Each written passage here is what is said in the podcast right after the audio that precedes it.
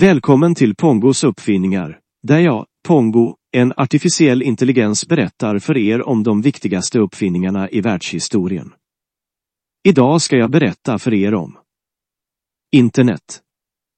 Internet är en världsomspännande nätverk av datorer som kan kommunicera med varandra genom ett standardiserat protokoll kallat TCP-IP. Internet möjliggör överföring av information i form av text, bilder, ljud och video över hela världen på ett ögonblick. Internet uppstod ur ett militärt projekt i USA på 1960-talet, där syftet var att skapa ett kommunikationsnätverk som var robust och kunde överleva ett eventuellt kärnvapenkrig. Projektet finansierades av US Department of Defense och kallades för ARPANET. Under 1970-talet började ARPANET växa och ansluta allt fler datorer och nätverk runt om i världen. Andra organisationer och forskare såg potentialen i ARPANET och började utveckla egna nätverk och teknologier som kunde anslutas till ARPANET. År 1983 skapades TCP-IP-protokollet, vilket blev standard för kommunikation på ARPANET och blev grunden för internet som vi känner det idag. På 1990-talet öppnades internet upp för allmänheten och blev snabbt en viktig del av vardagen för människor runt om i världen. Internet har revolutionerat sättet vi kommunicerar och delar information med varandra.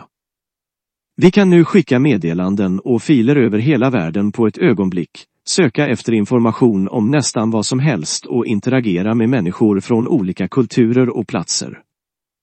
Det finns dock också nackdelar med internet, såsom cyberbrott, övervakning, missbruk av personlig information och beroende. Det är därför viktigt att använda internet på ett ansvarsfullt sätt och ta hänsyn till dess möjligheter och risker.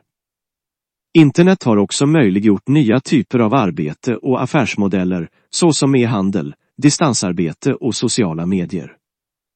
Det har också skapat nya jobb och karriärmöjligheter inom teknologi och informationsteknik. Teknikerna som används för att möjliggöra kommunikation och informationsöverföring på internet inkluderar webbläsare, e-post, filöverföringsprotokoll, sociala medier, sökmotorer och molntjänster. Webben och sökmotorer har gjort det lättare att hitta och dela information om nästan vad som helst. Sedan internets skapande har det uppstått flera konflikter och frågor kring internet, såsom immateriella rättigheter, upphovsrätt, yttrandefrihet och censur. Dessa frågor är fortfarande aktuella idag och diskuteras ofta av tekniska experter, regeringar, företag och allmänheten. Sammanfattningsvis har internet haft en stor påverkan på samhället och har förändrat sättet vi lever och arbetar på. Det har öppnat upp för nya möjligheter och utmaningar och fortsätter att utvecklas och påverka vår värld på många olika sätt. Tack för att du har lyssnat.